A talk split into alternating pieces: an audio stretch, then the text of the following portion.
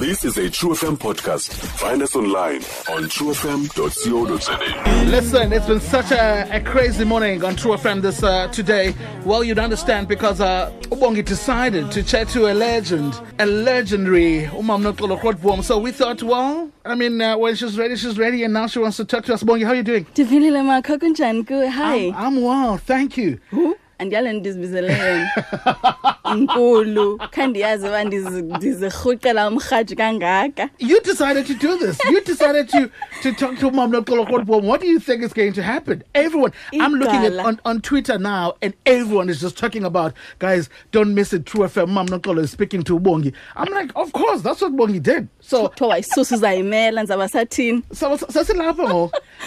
Let me do this. Ladies and gentlemen, welcome Bongi Paliti Mandakana as she chats to someone inspires her, and of course, the legendary Mamna Kolo Kwetpon.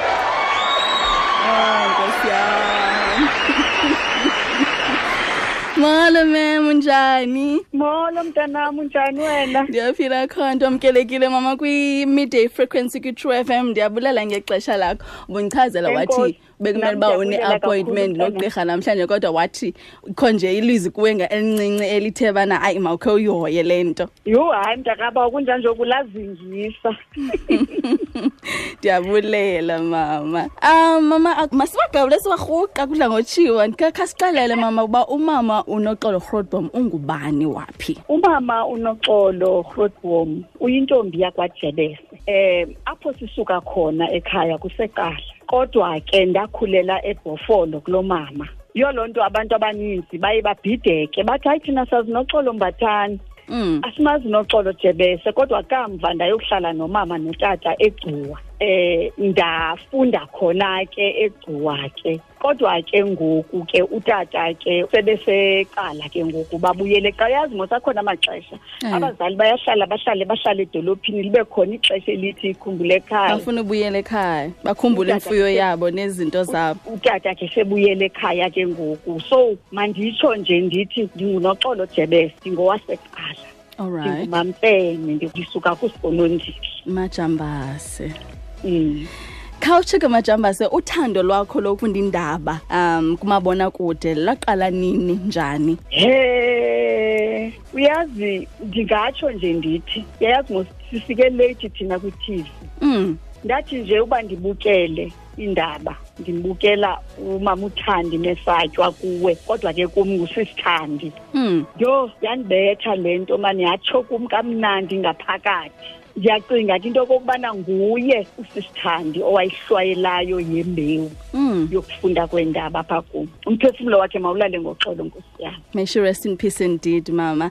Um mama apha ngethuba lakho lokufunda indaba ke kwi-tv um sikubonile over the years. Can you take us back mhlawumbi ngeziphi ezinye zee-moments okanye amabali athi akutatsha okanye be it in the office okanye on air okanye kwezinye ze-outside broadcast zakho esikwazela zona apho ubusasaza ukubekwa kwamagqala abaziwayo abantu abazindwalutho um kweli lomzantsi afrika? Ngeziphi ezinye zizinto ongatsho ukuthi bana le yayimoment apho endithi andisoze ndakuyilibala ubomi bam bonke. Yho uyabona ke imbali yam ke nendaba isuka kude uyaqonda? Ngenxa yokuguga ke mntakaba wezinye izinto ndizilibele kodwa ke ndizayibamba kufutshane amaxesha endingasayo ukuze ndiwalibale yinyweba endayinikwayo yokokubana ndibe yinxalenye yosasazo lwemingcwabo mm, yabantu mm, ababesilwela inkululeko nabantu abaziwayo. Uyabona elo ithuba asisoze ndililibale ebomini bam ngoba ungumntu uye uthi ndiza kwenzela umzekelo ukusweleka kukakrisani ndathi xa ndicelwa emsebenzini ndathi ha-a ingapha kwam le andinakho ukuyenza. Funa nomnye umntu. Mm. kodwa umntu owayendiphethe ngelo xesha wathi sisithathile isigqibo sigqibile.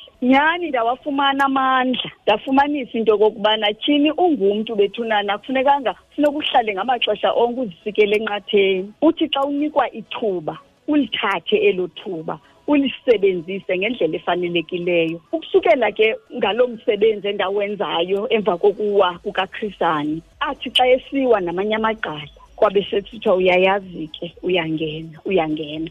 Andisoze ndiwalibale loo mathuba endawanikwayo kwaye ke wawuyisenza yonke loo nto ngondiliseko um uyenza ngothando uyenza ngembeko. Nathi um nam ndiyawukhumbula umngcwabo katata uchrisani ndiyawukhumbula umngcwabo ka- katata umandela. Ndiyayikhumbula neminye imingcwabo kungako nje ndiqonde makhe ndiwuvelele lo mbuzo. Um umama unoxolo xa engabile soma ke chasing breaking news phayana exhosa desk naba siyazi uba ngumhleli wendaba phaa zesixhosa. Xa uhleli endlini kwakho um uthanda ukwenzani yintoni mhlawumbi engathi mhlawumbi ngoba usoloko ubonakala ungumntu othobileyo ongenamsindo yintoni yevele ukuchukumisa uyabona akho nto endicaphukisa njengendlu emdaka. Uyabona mandingathi nje indlu imehlo lam alidibani nantoni na emdaka. Nendawo emdaka. Nendawo emdaka.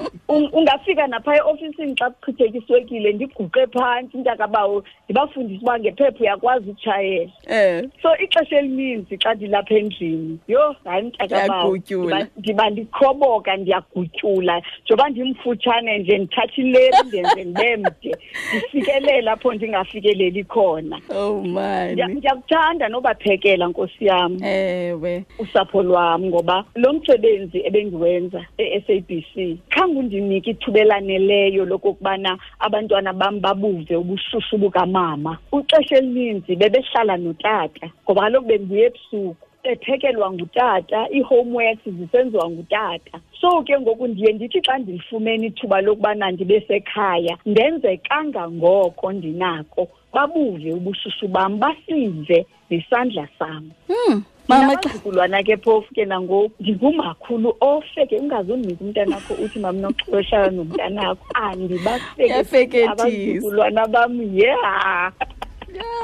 Mama kutheni kuwe kubalulekile kangako ukugcina ulwimi lwakho lesixhosa i mean uthetha isixhosa sinokucwamba emva kuyo yonke le minyaka uyihlelile wayiphangela erhawutini i believe ingapha kweminyaka engamashumi amathathu. Kodwa mna mna bongi ngovisitha nje ejoburg i- i- iintsukwana zibuya sendikhala ngohemuna nokuchaphela wena kutheni kuwe u- after all these years u- isixhosa sakho si-intact sinokucwambu awuphazami nditsho no-and no-easy kwisentence yakho. Kutheni le nto kunjalo kukubalulekile ukuba mawugcine ulwimi lwakho? Yho ukusihlonipha isixhosa nokuzingca ngaso kuba sandithatha ndingento. Uyandiva ndithini mm. sandithatha isixhosa ndingento. Sandenza umntu ebantwini. Asanela nje ukundenza umntu ebantwini. Isixhosa safundisa abantwana bam. Isixhosa sawakha umzi wam ungathini ukungayihloniphi ke into enjalo mntanam injalo injalo mama ngoba ngubani obenokuyicinga into yokokubana uyawuthuze utye ubeke isonke etafileni ube onto uthethe kolwimi ulwimi lwakho lwesiXhosa. kolwimi lwakho uyayiqonda loo nto lwenkobe leyo? mm. ulwimi lwesixhosa lube yintsika kum Mm. ebomini bam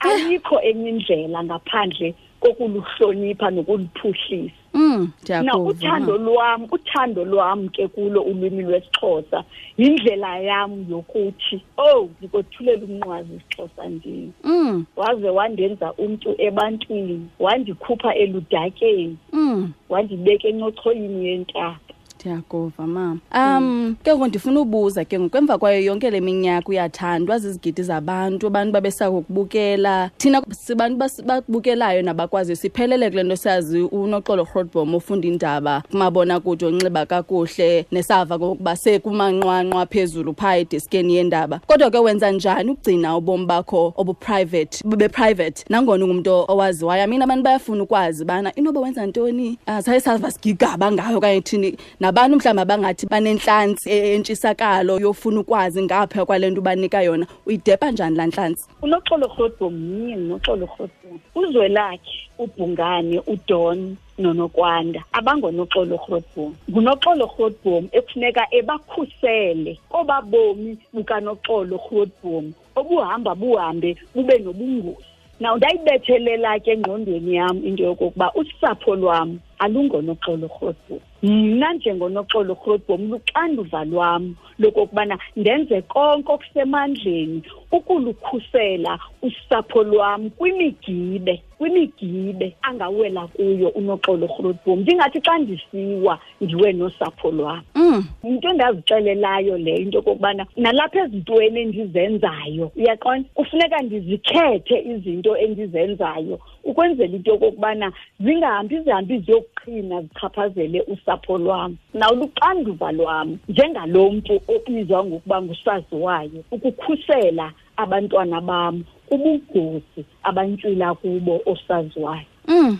Ndiyakuva mama. Um now ungumhleli uyi-editor apha kwiXhosa Desk ngumphathi ngokwengqesho. Um kungonje uphethe abantu mhlawumbi abangamadoda. Um you are in a male dominated um industry okanye ungabonakala njengomntu ongakho kwicapacity yo- yokwenza izigqibo ezithile. Uqinisekisa njani ke ngoku ukubana uyanqisha phantsi unyawo lakho luvakale uba ngabana ndim ndikhona ndifikile ngaphandle kokubonakalisa mhlawumbi into ongathi ndinkohlakale eyaziwa ngoomama okanye ngaphandle kokuba ube kanti usebenze as twice as hard kuba wena ungumntu ongumama. Uyazi ndi- abantwana bam ke emsebenzini ndibabiza abantwana bam mm. bayenze lula kum yonke loo nto. Ngenxa yentlonipho abandinike yona. And bayibonakalisa into yokokubana andingomphathi ndingumama kubo. Uyayiqonda loo nto leyo ndiyakuva mama. Uyayibona xa abantu bekunika laa mbeko uyazithoba nawe mm. kuba uthi xa uyifumana laa mbeko yabo uqonda into yokokubana um ayimnandi ube nendlela yokuyigcina injalo umzekelo xa umntu enze impazamo uyayiqonda loo nto leyo Mm. ungamenzi intlekisa uyithathe le mpazamo yakhe uyigalele iswekile okanye ityuwa uyenze ibe nencasa xa umxelela ngayo Mm. ukwenzela into yokokubana nangona umxelela impazamo ave ubunwane bale ndlela omxelela ngayo umbone f- azive naye efundiseka. Uyaqonda Now, Ndiyakuva, mama. ukuxelela umntu impazamo yakhe ayikokuba u- umsingele phantsi. Mxelela umntu impazamo yakhe ngendlela eyakhayo. Now njengomem wabo nomama wabo irole yam njengomama apha ekhaya ukwakha abantwana bam. Yintoni ke ezawuba nzima into okokubana irole yam phaya emsebenzini ingabi kukwakha abantwana bam? Yindlela endiyiaphrotsha ngayo ke. Iposition yami emsebenzini. Ndiyakuva ke mama le nkqubo i-aim yayo bikukuthetha nabantu abangoomama nanjengokuba iyinyanga yoomama nanjengokuba sibhiyozela inyanga yamanina kubaluleke ngantoni ukuba amanina abethelele indawo yabo nokubaluleka bangabi zizigculelo zenduku? Nanjengoba sijongene nemiba efana ne-gender based violence nokuba abantu abangoomama baziwa indawo yabo isekitchen kuphela. What is your take ngomba we-gender based violence? Kwaye kubaluleke kanjani ukwazi uba ngoku kufikelele kwipoint yoba andinonyamezela anymore yho ibuhlungu ke le nto ibuzayo mntanam ngoba noxa wena ingakakwehleli kodwa ngendlela eyenzeka ngayo awukwazi ungachukumiseki ungachaphazeleki ibuhlungu and yeyona nto iyenza ibe buhlungu kukuba intliziyo yomntu ifihlakele awukwazi okusentliziyweni yomntu. So awazi into yokokubana xa udibana nomntu oyindoda iinjongo zakhe zithini. Endingakuthetha nje ingaske abantu abangootata. Ukuba ngaba ke abanakusihlonipha njengabantu basetyhini mabakhe bandwendwele izibhalo basijonge thina basetyhini njengabantwana bakathixo bazijonge nabo njengabantwana bakathixo. Xa kunjalo sonke singabantwana bakathixo into ethetha ukuba sonke siyazalana. Ngoko ke umzisa njani ubuhlungu umntu ozalana naye?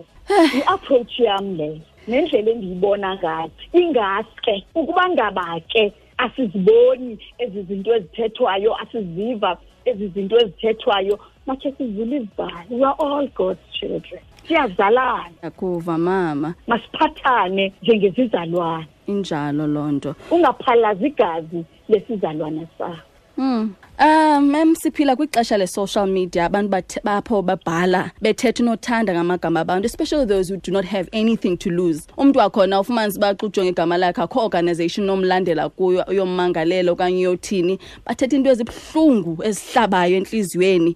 Um just recently besandova kwezi veki zipheleyo ku- kwiingxelo zokuba ubhubhile. Ndingothuka ke uba ndithetha nesipokri ngoku ndithetha nawe uba ndithetha nesipokri mhlawumbi ndithetha nesipokri elaa xesha ndithetha nawe kuwhatsapp ndiqome e inoba kapoki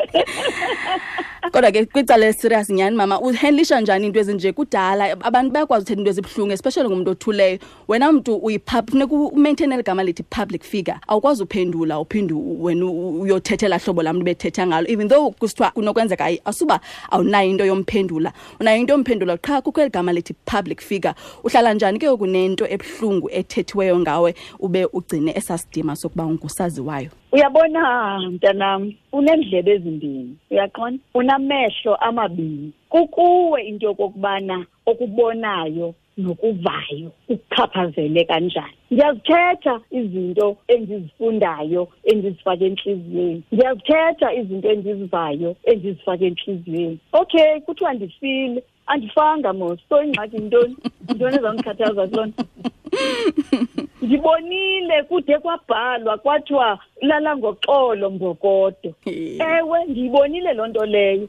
Yintoni into yawundikhathaza kuyo? Ndiyibonile ndinjalo ayiyonyani so ayindichukumisi nganto. Inyani yaziwa nguwe uyaqonda? So xa Njalo. uyazi inyaniso mntanam kutheni uzawuba maphikana um ubile usoma ufuna ukuyowuma entabeni ngoba ngokuyowuma kwakho entabeni kuyawuthi kanti uyazithoba Mm. isidinya esi sidima ubusele Reputation. unaso Mm. uyaqonda njalo Y- ezinye izinto zijonge uzishiye nomntu wazo sure ngenxa yexesha ke mama. Eh imnandi le ncoko sinayo engathi ngathi we can go on and on and on and I'm sure abaphulaphula ungona befudumala bebanomdla. Um ndifuna ukubuza nje amazwi akho okugqibela kubantu abafuna uba ngunoxolo rhodbom wangomso mhlawumbi abanye bathi funa bafuna uba ngulisa pepe wangomso because eh, obviously abantu bak- bakoyamanisa nolisa ba okay emva kwakho kwabakho ulisa kwabakho usisanda kwabakho ubani umntu kubaluleke ngantoni ukuba umntu abe unique and just your general closing remarks yazi xa ndikhuthaza ulutsha mhlawumbi kwezi ndawo endibizwa kuzo kukho umntana phaa edeskeni endiye ndithi xa ndicinga ngaye ndiqonda uba heyi lo mntana lona akaziqondi into yokokubana ulikhubalo kangakanani unobathembu uzantsi. Eh. unobathembu weza emsebenzini i think wayesafunda imatric. Mm. Wathatha ifoto nam wathi ngenye imini ngenye imini. Ndizawuba kule ndawo ukuyo mm. Yaqonda uba iliphupha elo lakhe elo. Eh. Waliphupha elo phupha unobathembu akanela nje ukuliphupha koko wazixelela into yokokubana akazukuphumla de lizalisekiswe namhlanje unobathembu usebenza nam mm. Uyayiqonda loo nto leyo wazixelela unobathembu into yokokubana akazukunikezela um engekaziphakamisi zonke izagweba zakhe ekuzalisekiseni injongo nephupha lakhe. Akayazi yena loo nto leyo kodwa ndiye ndithi xa ndithetha nabantu ndithi eyi unobathembu uyandichukumisa qho. Ibali lakhe andilishiyi xa ndithetha nolutsha. Ndiyavuya ke namhlanje ngoba ndilibalisa kweli qonga. You know akwanelanga nje ukuphupha kodwa iphupha lakho ukuze lizalisekiswe yenza into ngalo. Thela amanyathelo. Exactly. And unganikezeli. Mm. Ingekaziphakamisi zonke izagweba zakho Oh Lisa majambase siyabulela ngexesha lakho. Ndiyazi zininzi izinto obunozenza ubutshilo kum wathi uyakwagqirha namhlanje kodwa you just had to postpone. Uba ube kunye nathi ngale mina namhlanje ndiyabulela kakhulu siyakuthanda uyathandwa zizigidi zabantu abantu abasoze bakulibala. Umqela othe wawushiya ngeli xesha sifuna ukubulela usaphila bakuthiwa kaloku banikeni flowers while they can still smell them. So sisifuna sifuna ukuthi uyimbokotho siyakuthanda. Into oshiye nayo sizawuthatha ibaton sibhekisele phambili. Kodwa ke singenakuyeka ungavalelisi ngolwa hlobo uninzi lwabantu elukuthanda nelikukhumbula ngalo. Ufake true f m phakathi. Um ndiyayibulela i-True FM ngeli thuba endinike lona lokokubana nam nkosi yam ndibe ngumntu ebantwini khe livakale ilizwi lam. Ndifuna ukuthi ke kubo bonke abaphulaphuli be-True FM kubo bonke abasebenzi be-True FM nabaphathi be-True FM ze bathi ke xa bewubeka icala ngobu busuku balale bombethe ingubo yokuvisiswano uxolo nothando. Ndinithanda lonke baphulaphuli be-True FM siyabulela mam bye bye okay ke mntanam Uh, Mam Nokolo, she's gone. Okay. I wanted uh, to say from the man, she's beautiful. Bongi, thank you so much for that. Thank you thank you so much Really appreciate it. Man, Bongi getting really emotional here. Sincokola na Imam Nokolo, Grot Boom, uh, bencokola no Bongi Paliti Mantakana, of course, someone who really inspires her a lot. Stream True FM online on truefm.co.za. sikho yonke indawo ngalo ixesha like no one else